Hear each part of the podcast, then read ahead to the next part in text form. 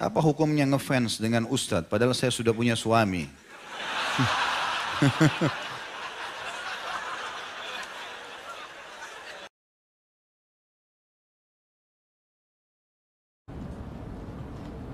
Contoh kain sutra yang tidak boleh dipakai laki-laki. Karena sejujurnya saya tidak tahu kain sutra itu seperti apa. Tanya di pasar. Salah antum tanya kain. Gak ada contohnya. Datang ke toko kain tanya mana kain sutra. Nah itu baru. Karena saya nggak punya bahannya. Bukan begitu jawabannya. Pernah ada orang bertanya begitu kepada salaful ummah. Ditanya, apakah iblis itu hamba Allah? Iya, jawaban dia. Apakah iblis tadinya beribadah? Iya. Apakah iblis memang durhaka setelah itu? Iya. Apa iblis punya keturunan? Kata beliau, iya. Dalilnya mana? Allah berfirman. Jangan kalian ikuti iblis dan keturunan-keturunannya, gitu kan? Kemudian apakah iblis punya istri? Kata beliau, iya. Siapa nama istrinya?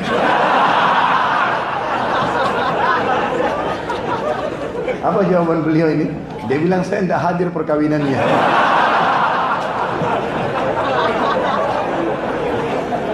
Sudah paham? Ini saya, saya juga nggak pegang kain sutra. Jadi datang ke tokonya, insya Allah kita tahu. Saya cuma jelaskan hukumnya. La wala.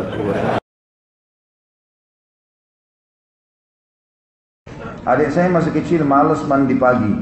Saya ancam dengan video setan. Linsir wangi. Boleh kan? Enggak boleh. Haram. Ajak mandi. Rayu, ajak mandi, angatin air, ajak main. Mas, masa harus video setan? Jadi setiap mandi harus dilihat ini loh. La haula wala quwwata illa. Ada-ada saja.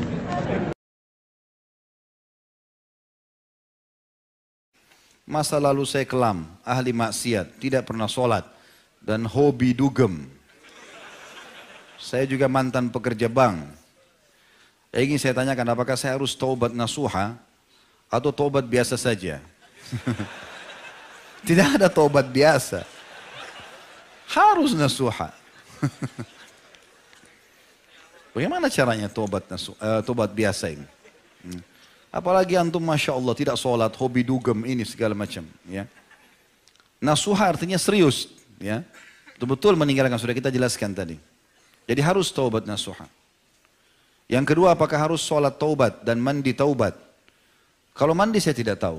Ya. Yang saya tahu ada sholat iya. Tapi taubat nasuha syarat tadi sudah disebutkan Syekh Utsaimin rahimahullah lima hal. Tidak masuk dalamnya sholat. Tapi memang ada hadis yang menjelaskan tidak ada seorang muslim yang berbuat dosa, dosa kecil atau besar kemudian dia berudu yang sempurna lalu dia sholat dua rakaat kemudian dia istighfar kecuali Allah akan ampuni dosanya. Kalau dia ingin sempurnakan dengan itu nggak ada masalah. Tapi tanpa sholat tobat pun insya Allah diterima asal dia penuhi syarat-syarat tadi.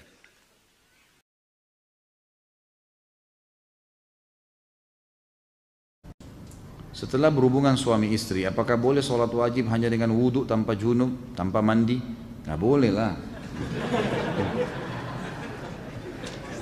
Ini iseng aja bertanya. Wajib mandi junub ya akhi. Atau mungkin yang nanya masih bujang kali ini. Belum punya pengalaman ya. Belajar dari Pak Yoyo. Ya.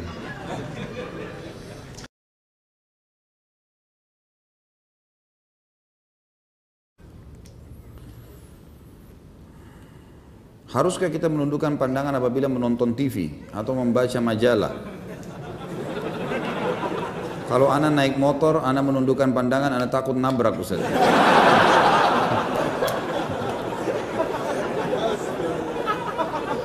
Ini nggak tahu, memang nggak faham bertanya atau iseng bertanya.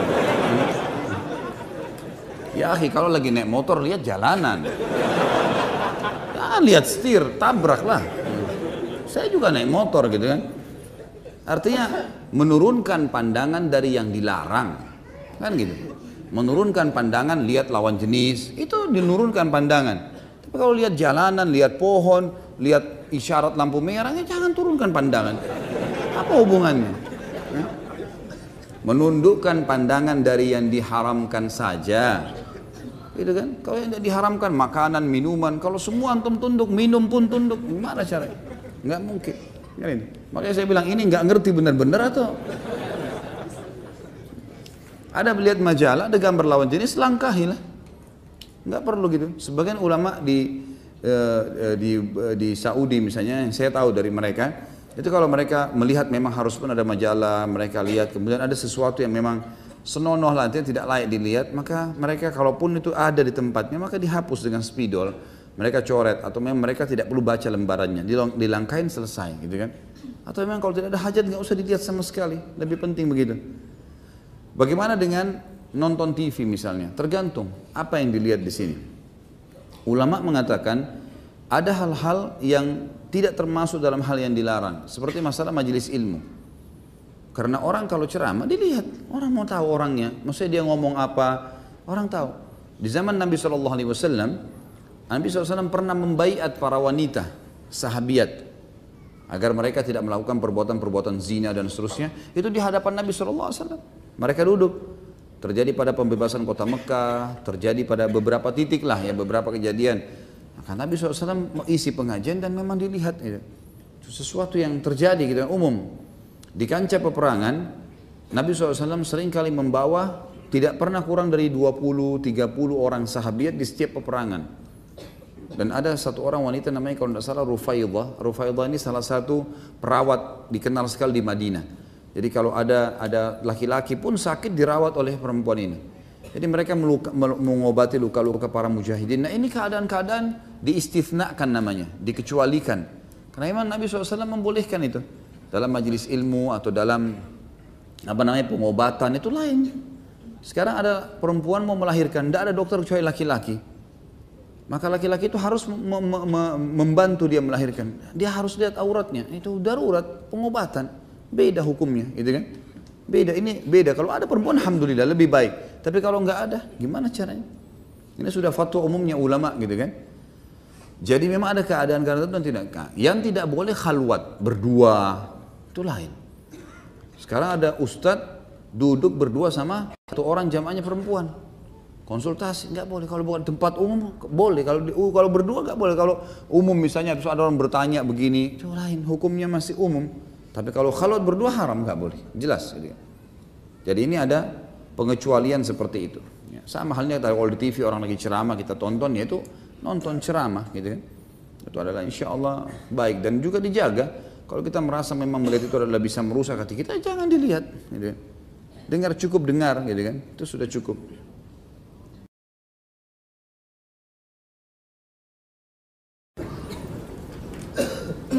Apa itu khurafat?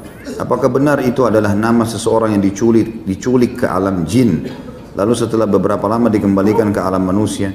Dari mana ini? Ini yang disampaikan oleh antum itu tuh khurafat. Khurafat itu kebohongan, kebohongan, kedustaan. Ini yang ditulis tadi contohnya ini khurafat. Alhamdulillah terjawab sendiri. La ilaha illallah.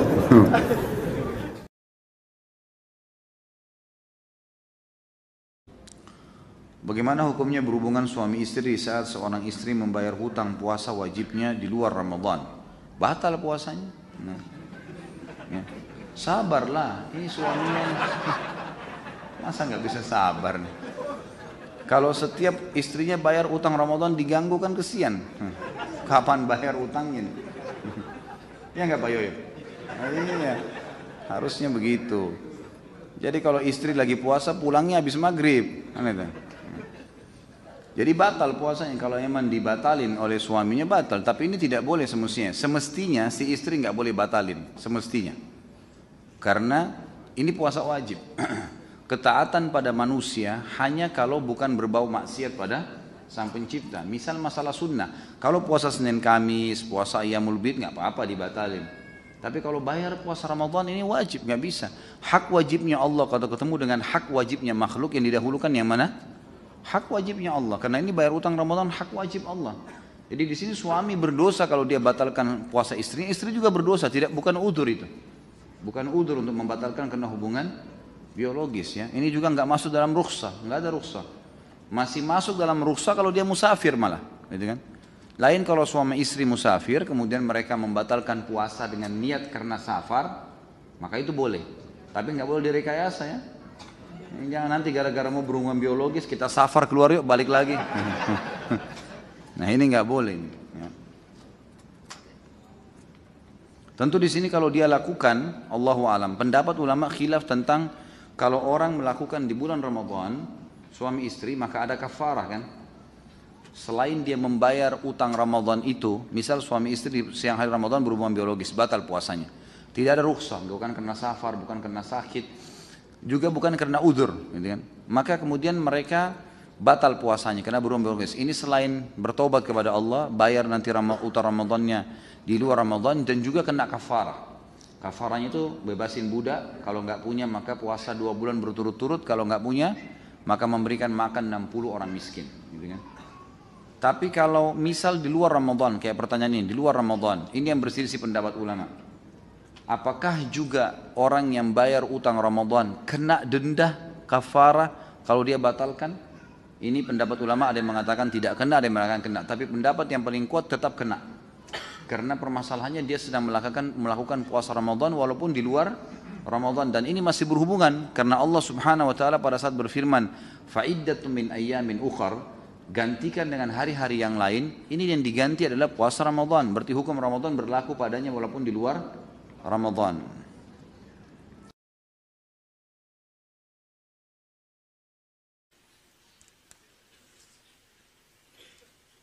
Apa hukumnya ngefans dengan ustadz? Padahal saya sudah punya suami?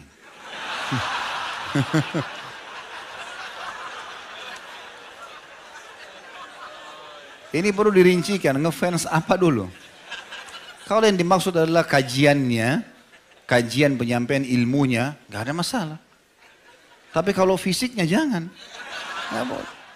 Semua muslimah kalau sudah menikah, suamiku adalah rajaku. Sudah selesai. Nggak ada lagi haram, tidak ada poliandri. Ya. Nggak ada.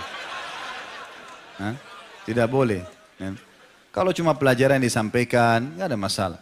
Ya, ilmunya itu nggak ada masalah. Mungkin penampilan lalu kemudian berharap suaminya bisa itu mungkin umum. Tapi kalau sudah menyukai, akhirnya beralih sukanya dari suami kepada orang lain ini nggak boleh. Hukumnya haram dalam Islam, tidak boleh sama sekali. Karena tidak ada poliandri kan gitu. Kalau poligami boleh laki-laki. Pembelaan kepada sama jenis saya.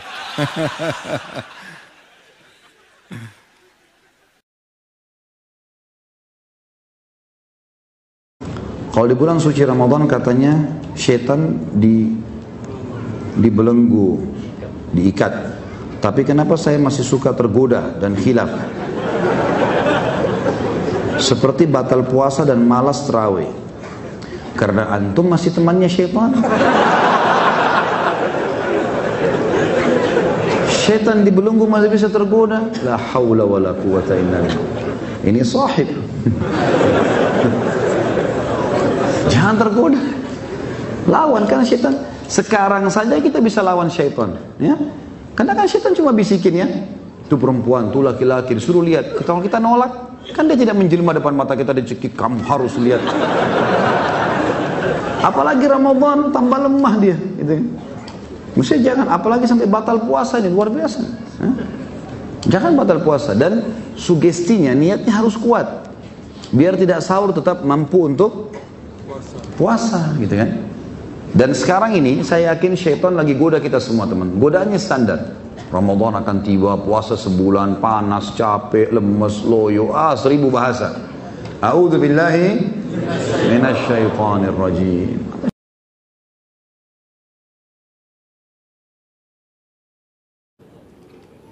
Jika kita menahan buang angin ketika sholat dan angin tersebut masuk lagi.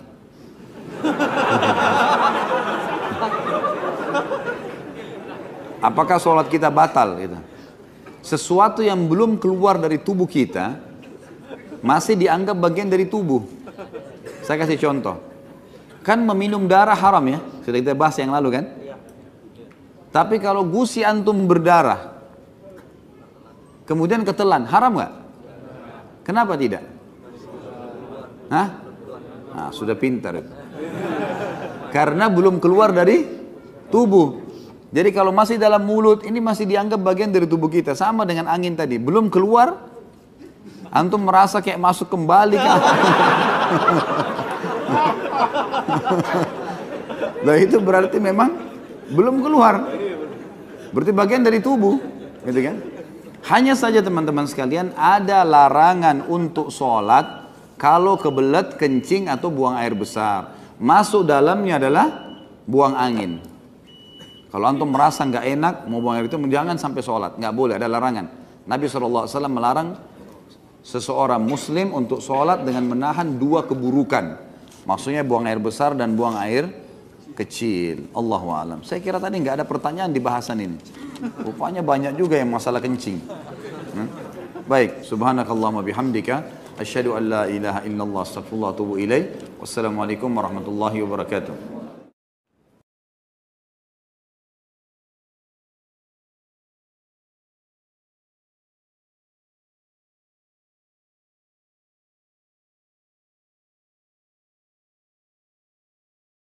Assalamualaikum. Untuk pemesanan paket umroh murah Bisa menghubungi 0821